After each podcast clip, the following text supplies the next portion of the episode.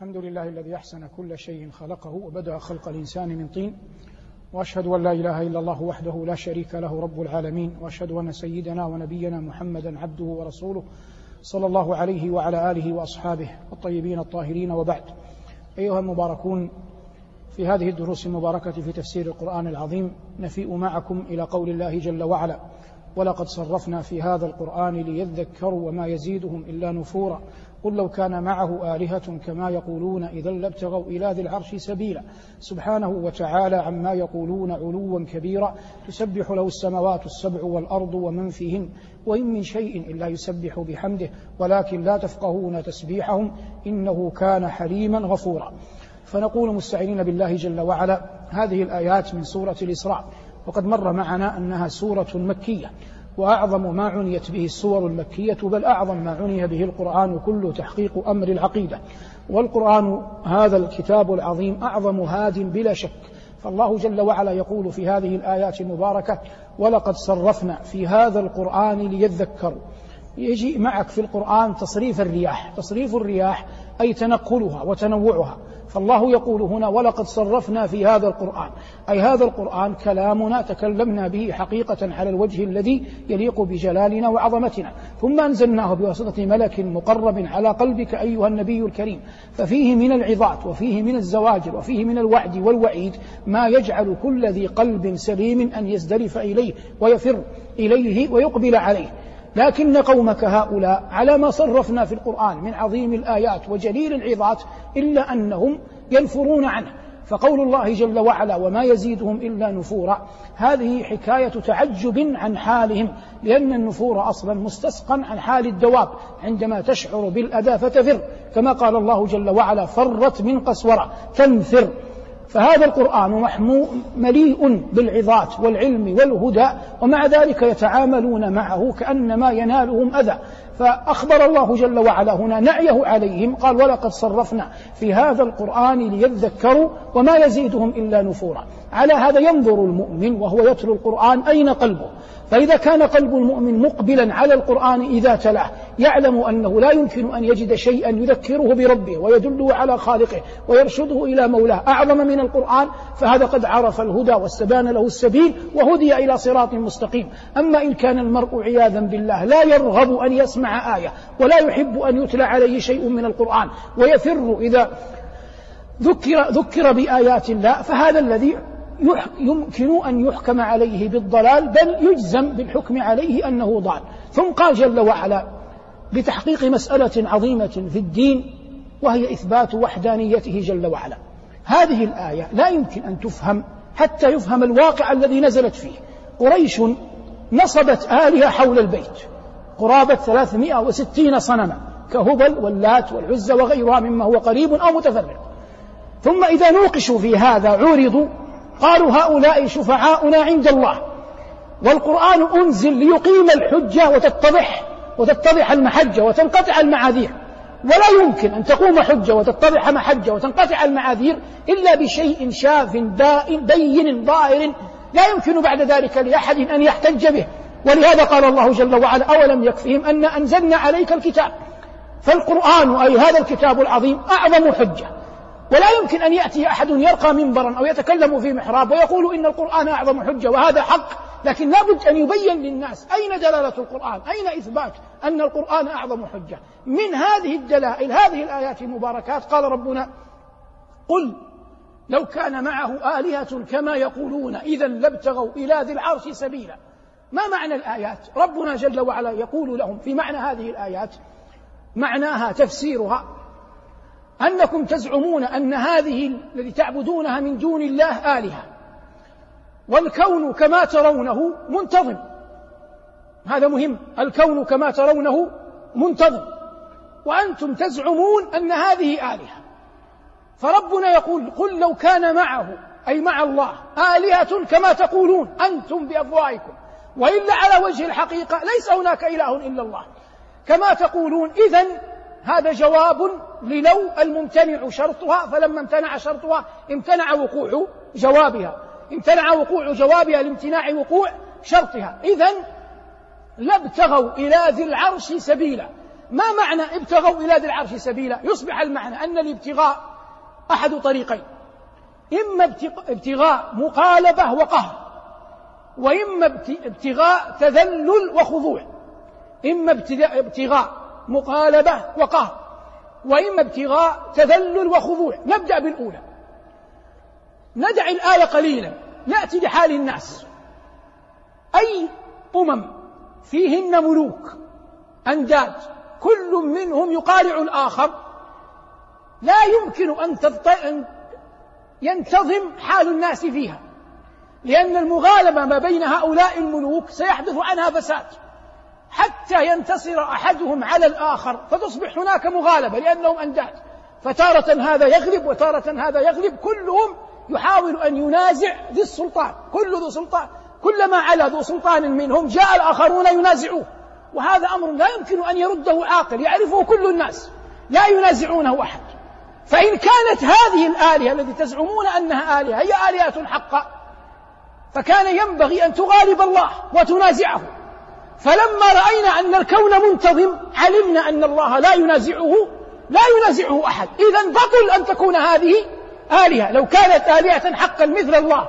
تعالى الله عما يقول الظالمون علوا كبيرا. لنازعت الله في ملكه. لكن لما رأينا أن الكون لله الله وحده يحيي والله وحده يفني والله وحده يحيي بعد الإفناء ورأينا الكون منتظم والشمس والقمر والنجوم مسخرات بأمره. ورأينا الكون كل ما فيه يدل على أن هناك إله واحد.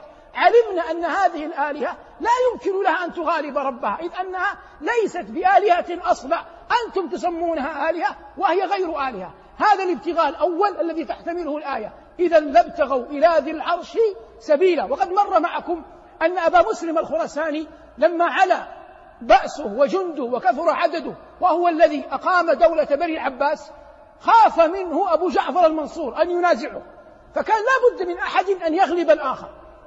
فاستدعاه أبو جعفر فلما استدعاه احتار في أمره ماذا يفعل به؟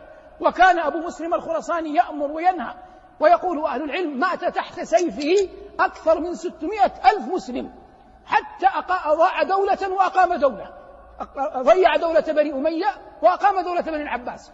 فلما دخل على أبو على أبي جعفر قبل أن يدخل على أبي جعفر استشار أبو جعفر المنصور بعض خواصه. قال ما تقول في أبي مسلم؟ قال يا أمير المؤمنين لو كان فيهما آلهة إلا الله لفسدتا. يعني ما يصلح أنت وهو في مقام واحد. فقال أبو جعفر لقد أودعتها أذنا واعية. فلما دخل أبو مسلم على أبي جعفر قتله بإشارة له إلى غلمانه ضربوه ثم قتلوه. حتى ينفرد بالأمر هذا أمر لا يختلف عليه أي أحد من أهل العقل. فالله جل وعلا يقول لو قدر أن هذه آلهة كما تزعمون لنازعت ربها في ملكه. فلما رأينا أن الكون منتظم علمنا أنه لا أحد ينازع لا أحد ينازع الله. هذا المعنى الأول. المعنى الثاني إذا لابتغوا إلى ذي العرش سبيلا لا ابتغاء مغالبة وقهر كما مر إنما ابتغاء مقالبة إنما ابتغاء تذلل وخضوع. بمعنى أنها تتذلل لله وتخضع له حتى يعطيها ما تريد. فإن كان هذا حالها لا يمكن أن تسمى آلهة إن كان هذا حالها تتذلل لله وتخضع لا يعقل أن تسمى آلهة لا يسمى آلهة لا يسمى إله إلا الذي لا يخضع لأحد ولا يستكين لأحد. وهذا ليس إلا لمن؟ للواحد الأحد. قال الله عن يوسف يا صاحبي السجن أأرباب متفرقون خير أم الله الواحد القهار؟ قال الله جل وعلا لو أراد الله أن يتخذ ولدا لاصطفى مما يخلق ما يشاء ثم نزه ذاته. قال سبحانه هو الله الواحد القهار فهو جل وعلا واحد بمعنى ليس كمثله شيء وبمعنى قهار كل أحد. جبرائيل الكروبيون حملة العرش الأنبياء أولو العزم الشياطين الجن خزنة الجنة خزنة النار سكان السماوات سكان الأرض الحوت في بحره الطير في وكره كل أحد. الله جل وعلا قاهر له. ليس كمثله شيء وهو السميع البصير.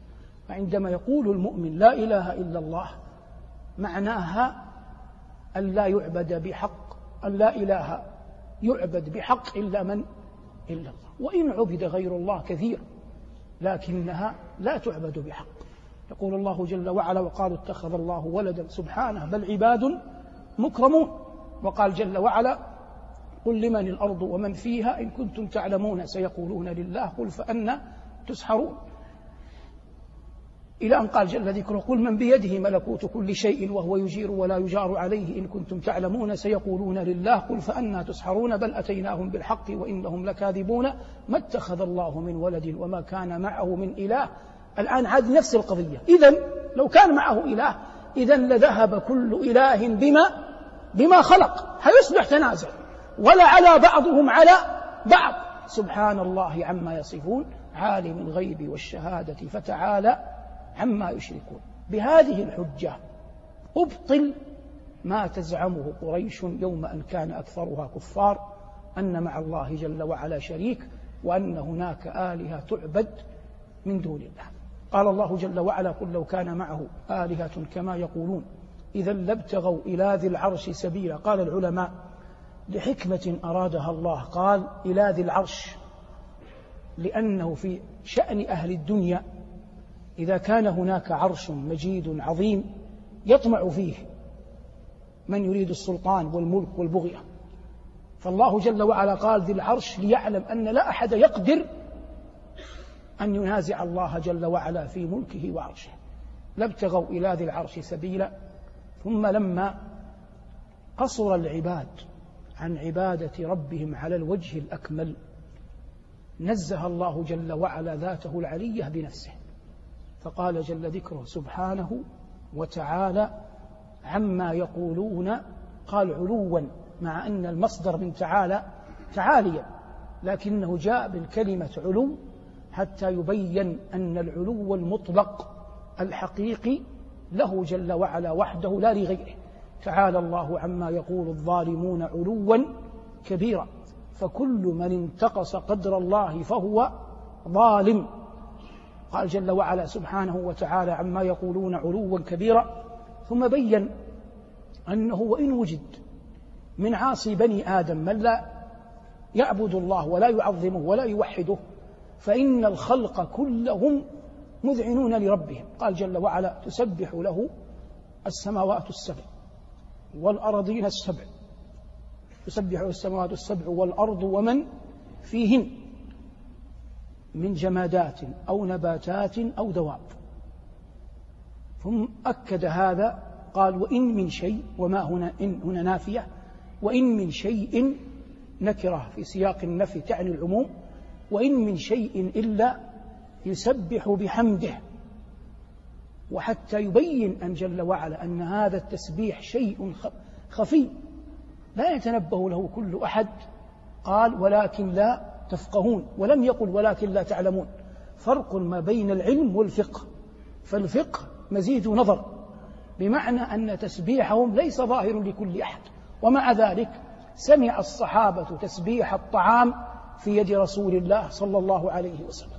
سمع الصحابة تسبيح الطعام في يد رسول الله صلى الله عليه وسلم. قال الله جل وعلا وإن من شيء إلا يسبح بحمده ولكن لا تفقهون تسبيحهم. إنه جل ذكره كان حليما غفورا. الآن لنجي بهذين الاسمين العظيمين حليم وغفور في هذا الأمر. إن هؤلاء رغم علمهم فيما يرونه من آيات أن الله لا شريك معه مع ذلك كفروا به ودعوا غيره وأشركوا معه. فكون الله لم يعاجلهم بالعذاب دل هذا على ماذا؟ على حلم الله دل على حلم الله.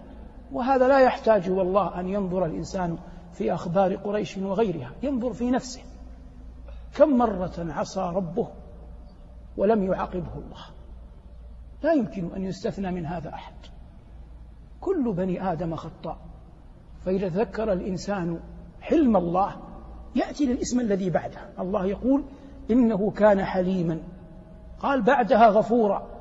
والمعنى ما دام الله لم يعجل عليك العقوبة ولم يبادرك بخطيئتك وذنبك أن عاقبك فلا أولى لك من أن تسارع بالتوبة. عل الله جل وعلا أن يغفر أن يغفر لك. ولهذا قال إنه كان حليما غفورا. نعود للتسبيح. قال أصدق القائلين تسبح له السماوات السبع والأرض ومن فيهن. وإن من شيء إلا يسبح بحمده. والتسبيح ورد في القرآن كثيرا. ورد بالمضارع وبالماضي وبالأمر وبالمصدر. وقلما كلمة في القرآن تأتي على هذه الأحوال الأربعة. واستفتح القرآن بيسبح وبسبح وبسبح وبالمصدر سبحان الذي أسرى. على الأربعة أحوال. والأنبياء إنما بعثوا ليبلغوا عن الله الدين. وقد صح عنه صلى الله عليه وسلم أنه قال لما حضرت نوحا الوفاة جمع بنيه فقال أي بني أوصيكم باثنتين وأنهاكم عن اثنتين أوصيكم بلا إله إلا الله فإن السماوات السبع والأراضين السبع لو كن كحلقة مفرغة لقصمتهن لا إله إلا الله وأوصيكم بسبحان الله وبحمده فإنها صلاة كل شيء وبها يرزق الخلق. فإنها صلاة كل شيء وبها يرزق الخلق وأنهاكم عن الشرك والكبر. يعود المرء هنا إلى التسبيح كيف ورد في شرع الله. سئل صلى الله عليه وسلم أي الذكر أفضل؟ قال ما اصطفى الله لملائكته سبحان الله وبحمده. والبخاري رحمه الله ختم صحيحه بحديث كلمتان خفيفتان على اللسان ثقيلتان في الميزان حبيبتان إلى الرحمن سبحان الله وبحمده سبحان الله العظيم. يلزمك أو يحسن بك أن تتحلى باثنتين. الأولى تكثر من التسبيح خاصة في أدبار الصلوات المكتوبة. وفي, وفي أوقات فراغك وإذا آويت إلى فراشك لحديث علي ألا أدلكما على خير من خادم؟ إذا أنتما آويتما إلى فراشكما فسبحا ثلاثا وثلاثين واحمد الله ثلاثا وثلاثين وكبرا أربعا وثلاثين. هذه مواطن ورد فيها التسبيح. مما ورد فيه التسبيح حال التعجب. فإن النبي صلى الله عليه وسلم أخبر أصحابه بالذئب الذي أقع على ذنبه. وأخذ يخاطب الراعي. فلما أخبرهم بهذا قال الصحابة سبحان الله ذئب يتكلم. فبدأوا بماذا؟ بدأوا بالتسبيح. هذه أيها المباركون الحالة الأولى. أما الحالة الثانية حسن منك أن تعظم وتوقر وتستحيي من كل عبد رأيته يسبح الله. حسن منك أن تعظم وتوقر وتستحيي. من كل أحد رأيته يسبح الله. جاء في الحديث أن نبيا قرصته نملة فأحرق قرية من النمل كلها فعاتبه ربه. أحرقت قرية من الأمم تسبح هلا كانت نملة واحدة؟ موضوع الشاهد منه. معلم يقبل على طالبه زوج يقبل على زوجته. مؤدب يقبل على مؤدبه. رئيس يقبل على مرؤوسه. أي أحد أعلى دنيويا يقبل على من هو أدنى منه. لا ينبغي أن يجعلك تحجم عنه أكثر من أنك رأيته يوما من الدهر يسبح لله. فمن رأيته يسبح لله فعظمه إجلالا لله. نحن نرى أحيانا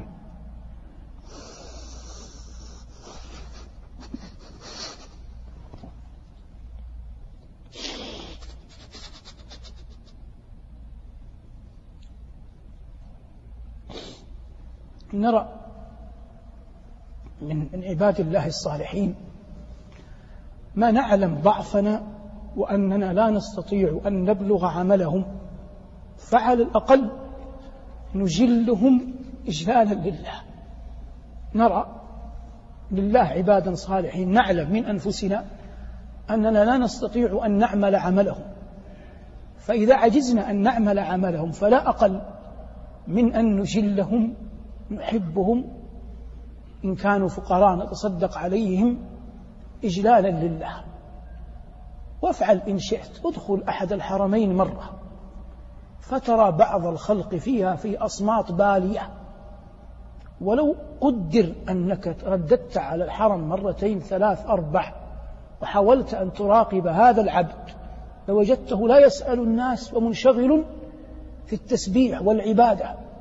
وأنت تعلم من نفسك ضعفك وأنك لا تقدر على هذا. فعلى الأقل أكرمه إجلالا لله. أكرمه إجلالا لله. فما لا تقدر أن تطلبه بعملك فلا أقل من أن تطلبه بنيتك. فإن للقلوب شأن عظيم.